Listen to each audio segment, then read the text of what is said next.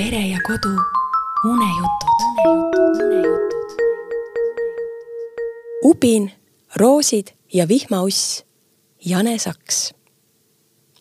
Ubin oli punapõsine õunanooruk, kelle peremees oma korvi noppis. vara veel õunakoogiks saada, mõtles uudishimulik Ubin, upitades ennast samal ajal korvi äärele ja pots kukkus ta muru sisse.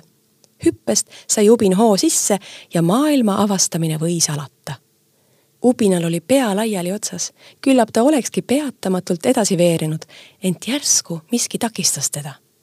see oli niiske, musta värvi ja lõhnas teisiti kui muru. kus ma olen, mõtles kogenematu Ubin.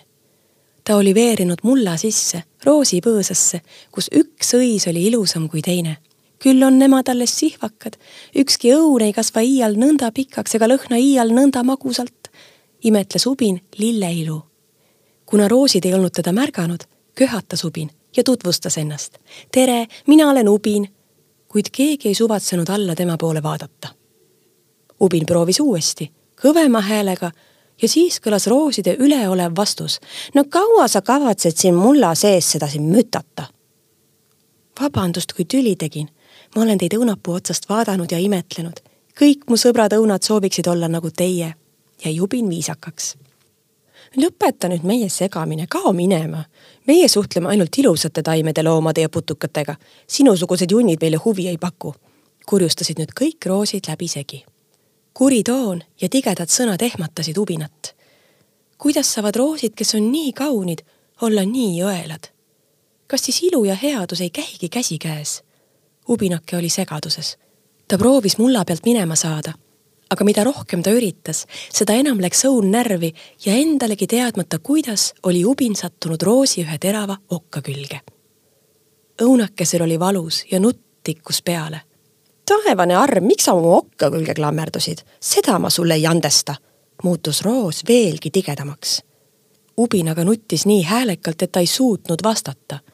tal oli valus, ent veel enam tegi talle haiget rooside kuri ja õel suhtumine roosid, palun aidake mind. ma luban, et ei tüüta teid enam kunagi ja veeren siit kohe ära, palus Ubin. roosid ajasid oma ninad aina ülbemalt taeva poole. ise sa ennast okka külge keerutasid, ise sa sealt ennast lahti ka aita. Õnneks oli vihmauss tulnud mulla peale toitu otsima ja sõnerust pealt kuulnud. kõhklematult tõttas ta Ubinale appi. ta ajas ennast täiesti sirgu võttis kokku kogu oma ussi jõu ja lükkas ubina okka küljest lahti. kerge see ei olnud, kuid vihmauss teadis, et teisi tuleb hädas aidata. vihmauss, suur tänu abi eest, sa oled minu tõeline sõber, tänas ubin vihmaussi kallistades.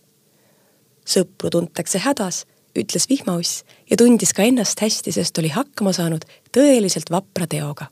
vihmaussi välimus ei ole just iluduse kuninganna oma, kuid süda on tal suur nagu munamägi ning soe kui ahjust tulnud õunakook, arutles Ubin endamisi. äkki tundis Ubin raputust, see oli tema ema. on aeg tõusta, peremees tuleb kohe meid noppima. Ubin taipas, et kogu tema seiklus oli toimunud unenäos. kui nüüd peremees Ubina päriselt korvi pani, ei upitanud ta ennast enam sealt välja, vaid oli uhke, et temast saab maitsev õunakook mis viib keele alla igal lapsel